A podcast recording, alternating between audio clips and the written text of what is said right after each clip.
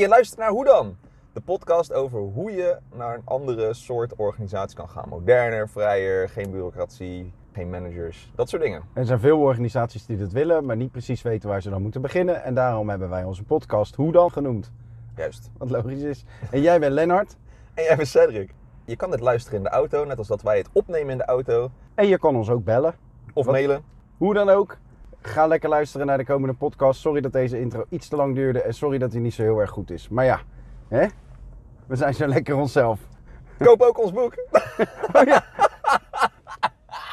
Nou, Hallo allemaal. helemaal geen enkel onderwerp. Zijn we, eh, zijn we running dry? Ja, nou ja, heb jij. eh, ik- het, is, het is zo'n random morning. Eh, Nou ja, random corona morning. Ja, dat is wel eh, shit is happening, hè? We hebben het daar nog niet over gehad. Dat gaan we ook Nee. niet echt doen. Vind Nee? je wel? Nee. Nou, expres Nou, niet. nee. Ja. Nou ja, dan, dan, dan zou ik het iets. eh, Oké, optimisme, pessimisme. Ja. En realisme. Hebben we het daar wel eens over gehad? Nee. Oké, mijn stelling, als, je, als het, eh, in tijden van negativiteit is het prettig om optimisten om je heen te hebben, Zeker. vind ik persoonlijk. Ja. En in tijden van eh, nou, alles eh, kan niet op, is het ook wel handig om een pessimist in de buurt te hebben die een beetje zwarte scenario schetst. Mhm. En ik vind de baseline, soort van die daartussendoor loopt, hele tijd realisme. Ja. Dus dan zie ik zo'n beetje zo'n golfbeweging. Ik Terwijl- heb geen idee, want ik heb er geen verstand van. Is dat ook zo? Volgens mij zeggen heel veel pessimisten altijd dat ze realistisch zijn. Ja. Dus dat is, eh, daar, daar zit ook wel een beetje een, eh, ja, Ik ben een optimist. Ik vind mezelf ook altijd heel realistisch. oké. Ja. Nou, dat is niet waar. ja, nou zie je, dus dat, dat is een beetje wel het probleem. Dus waar, Ja. die grens wel moeilijk te vinden inderdaad. Ehm, maar misschien, ehm, wat beschouw jij als een optimist? Iemand die het zonnige in dingen kan zien. Oké. En ehm, positieve gedachten kan oproepen, ongeacht de situatie. Mhm. Ik zou ook wel gewoon een beetje zeggen, een optimist, die mist niks.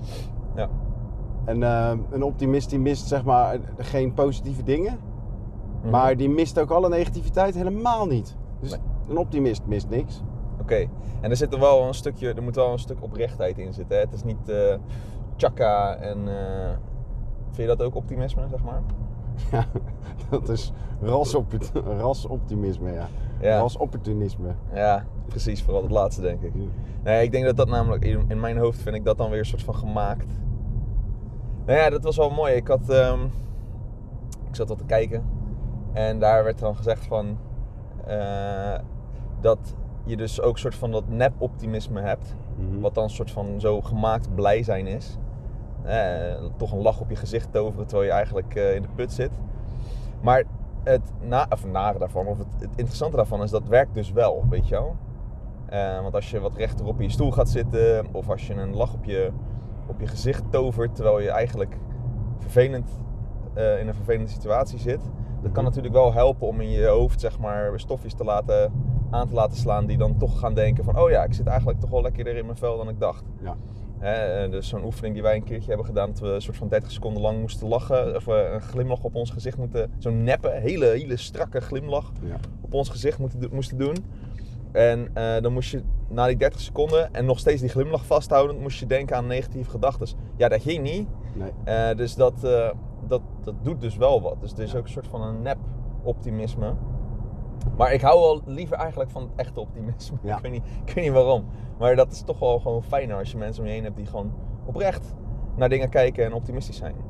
Ik denk dat er ook een soort. ehm, ik denk als, nieuws, als er nieuwsgierigheid in zit, Mhm. dat, dat optimisme ook makkelijker komt. Ja, Ehm, je hebt dus werkelijk optimisme liever dan nep-optimisme, maar heb je optimisme ook liever dan pessimisme? Eh, hmm, ja, tenzij ik zelf pessimistisch ben, dan vind ik het ook wel lekker als er mensen om me heen zijn die ook lekker meelopen te zeiken. Is iemand, Denk je niet? Is Ja. iemand altijd Ja. het een of het ander? Nee, Is iemand voornamelijk het een of het ander? dat wel. Oké. Zou je in teamsamenstellingen rekening moeten houden met een eh, gezonde combinatie van optimisten en eh, pessimisten? Ik denk dat het wel handig is, ja. Ik heb toen, eh, nou, we hebben toen wel eens eerder een, een, een podcast gedaan over regulatory focus. Weet je dat nog? Ja.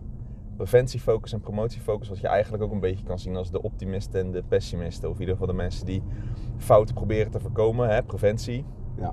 En eh, juist eh, risico's durven aangaan om succes te behalen, promotiefocus. En dat is in principe in het optimisten en pessimisten verhaal ook. Alleen regulatory focus is dan ook nog eens nog een keer. En dat zo optimisten en pessimisten ook al zijn, maar regulatory focus wordt in organisaties ook heel veel getest, wetenschappelijk. Ja. En daar zeggen ze ook gewoon, ja, die balans is wel eh, fijn, of dat is goed om te hebben in een organisatie.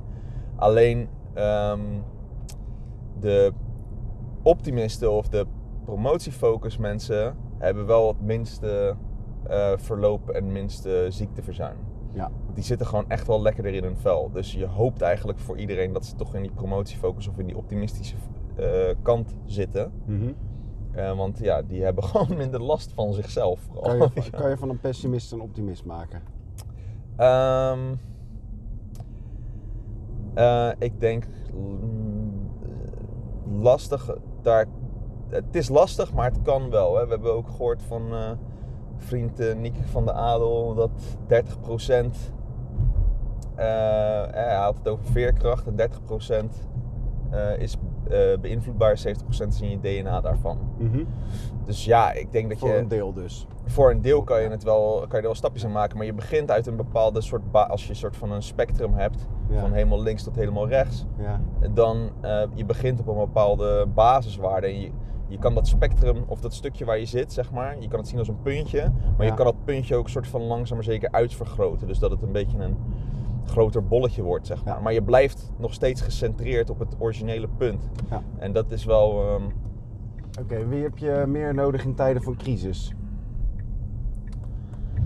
oh, ja, Niet zeggen de realist, dat, dat mag niet. Nee, ja, liever. Ik heb persoonlijk liever de optimist die dan wel de kansen ziet en probeert om, eh, om, eh, om, om nieuwe, ja, nou ja, om wendbaar een nieuwe stap te maken, zeg maar, Ja. als het nodig is. Hè? Dus dat Ja. zie je dan nu in die, dat hele corona. We gaan het er niet over hebben, maar Nee. het is wel handig als er mensen zijn die zeggen: ja, oké jongens, schouders eronder, we gaan gewoon eh, hop naar de volgende poging of iets anders proberen of eh, kijken hoe we toch nog enigszins business voor elkaar krijgen, aangezien we anders ten onder gaan.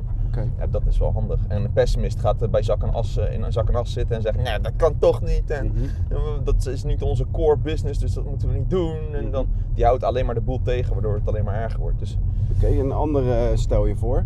ja. Stel je nou eens voor dat er ehm, eh, in iedere organisatie een groepje pessimisten dus een hand op mag steken. Gewoon, ja, ik ben best wel pessimistisch qua inslag. Hm. En ik ga iedere drie maanden ga ik zwarte scenario's schetsen voor deze organisatie. En eh, Ja. die gaan we daarna toetsen op realisme met een eh, aantal optimisten erbij. Ja. En dan gaan we voortaan ook eh, voorbereiden op die zwarte scenario's. Mhm. Raadzaam of ongemakkelijk? eh, Nee, ik denk wel goed. Ik denk dat, ehm, ik denk dat, dat pessimisme er niet voor niks zeg maar, bij de mensheid is. Weet je wel? Dus, eh, of of eh, mensen die wat neurotischer zijn of wat sneller in angst schieten, dat is er niet voor niks. Dus om de Mhm. anderen te waarschuwen voor mogelijk gevaar. ja. Ook soms als het gevaar in eerste instantie ogenschijnlijker niet is. Want Mhm. optimisten of mensen die eh, in ieder geval niet zo neurotisch zijn, ja, die, die gaan soms gewoon die gaan risico's aan die echt te dom voor woorden zijn, zeg Mhm. maar. En en die, die, ja, die hebben gewoon op lange termijn soms gewoon grote problemen. Ja. Financieel gezien, weet je de, de echte rasoptimisten optimisten, optimisten zijn misschien ook wel degene die als eerste gokverslaafden en al hun geld kwijt zijn. Want die zijn Mhm. zo optimistisch. Ja, dat kan gewoon. Weet Ja. je wel? Dus, de- Ja. dus die blijven maar gokken en die blijven maar eh, risico's nemen. Mhm. Eh, en opeens hebben ze geen geld meer. Dus die komen ook snelst in de schulden. Ja. Terwijl een pessimist dat niet zo heel erg snel zal krijgen misschien. Want die, Mhm. die, die spaart. Dus Ja. je hebt die balans heel erg nodig. En ja, dus is het goed om ook af en toe die pessimisten misschien wel negatieve scenario's eh, te laten schetsen. En ook daarnaar te luisteren. Oké. Dus, eh, Krijg je dan geen self-fulfilling prophecy? Nou, als je er te veel aandacht op legt wel, maar daarom is die balans zo belangrijk. En daarom is het ook belangrijk dat pessimisten en optimisten van elkaar weten dat ze zo zijn. En dat, eh, dat ze allebei waarde hebben. En als je Mhm. probeert elkaars waarde te zien, dan, net als dat salesmensen ook moeten luisteren naar de mensen die inhoudelijk bezig zijn en andersom. Mhm. Eh, die salesmensen hebben ergens gelijk dat je soms gewoon een kans moet grijpen. Ook al is het misschien eh, niet per se de opdracht die je zou willen als inhoudelijk persoon. Mhm. Maar goed, eh, andersom moet de salespersoon ook naar de inhoudelijke mensen luisteren en proberen daar zoveel mogelijk voor te krijgen, want anders wordt er baggerwerk opgeleverd. Dus ja, balans! Oké. Tip voor iedere luisteraar. Nou, ja, Zo'n, eh, nou, dus misschien zo'n groepje samenstellen van, eh, van eh, dark scenario schrijvers. ja, is wel leuk. Ja? Ik vraag me alleen af of mensen die, dat, die pessimistisch zijn ook als pessimist bestempeld willen worden. ja. Dus nou ja, criticast is of kritisch zijn of weet je wel. Ehm, waar kan, eh, wat wij ook wel eens doen natuurlijk, soort van elkaar negatieve feedback geven, wat best wel kan helpen. Ja. Nou, op zich is dat helemaal niet erg. Ik denk dat je dat best wel als positief ook soms mag zien. Ja. Of is dat dan weer heel optimistisch gedacht? Nou, ik was vrij pessimistisch dat deze podcast niet veel zou worden, maar het is toch wel iets geworden. Dus weet je, we hebben het allebei een beetje. Ja, tuurlijk. En het, het mag. Ja, dat denk ik ook wel. Ik weet niet eens, ik weet niet wat ik zei. Het mag. De podcast wordt nu weer gewoon slechter. Nou ja, je zei van eh, die opdracht, of kijk eens even of je die negatieve mensen eh, wat kan laten doen. Ja, nou dat zou wel leuk zijn. Ja, dat. Maar ja, dan mogen de optimisten die mogen ook eh, op, op kansen gaan kijken. Want eh, dan is het Mm. weer in balans. Nou ja, wat ik wel denk, om dan nog even een soort side note. Ik denk dat heel veel van de organisaties toch ergens een soort geregeerd worden door de pessimisten. Ja. En in, in heel veel, en zeker wat grotere organisaties, wordt Ja. dat, gebeurt dat al snel, omdat dat toch een beetje de mierenneukertjes zijn. Ja. Dus dat op, in grote organisaties ook best wel handig voor een groot deel is. Mhm. Maar ja, daardoor is je wendbaarheid dus wel totaal naar de kloten. Dus in zo'n situatie als dit, dan, eh, eh, ja, dan zit je gewoon vast. En dat Mhm. is echt wel een probleem. Ja. Gebouwd op angst, Ja, geleid door angst en gebouwd op wantrouwen. juist. En dan, Ja. eh, dan, ga je echt, ja, dan ben je echt de pineut. Ja. Dus ook dan moet je nog steeds die balans zien te vinden. En weten dat die gekke optimisten met hun gekke ideetjes toch echt wel ook waardevol zijn in een grotere organisatie. Hè, die creatieve mafketels, ja, die heb je gewoon nodig. Dat zijn vaak de mensen met de oplossingen. Juist. Nou, Oké. Dus. het gewoon bewust zijn. Of Ja. je nou wel of geen teams creëert. Of je nou wel of niet af en toe bij elkaar gaat zitten. Denk aan eh Ja. waardeer elkaar voor wie je bent. Ja. Ja. En als je nou denkt, zitten zij nou wel op anderhalve meter afstand in die auto? Ja, deze auto is heel groot. Dus eh, Ik zit eh, rechts achterin en Len zit links voorin. En ik ben heel groot en Len is heel klein. Dus Dat de hoogte ook telt nog. ook mee. ja. Schuin. Stelling van Pythagoras. Doei allemaal. Doei.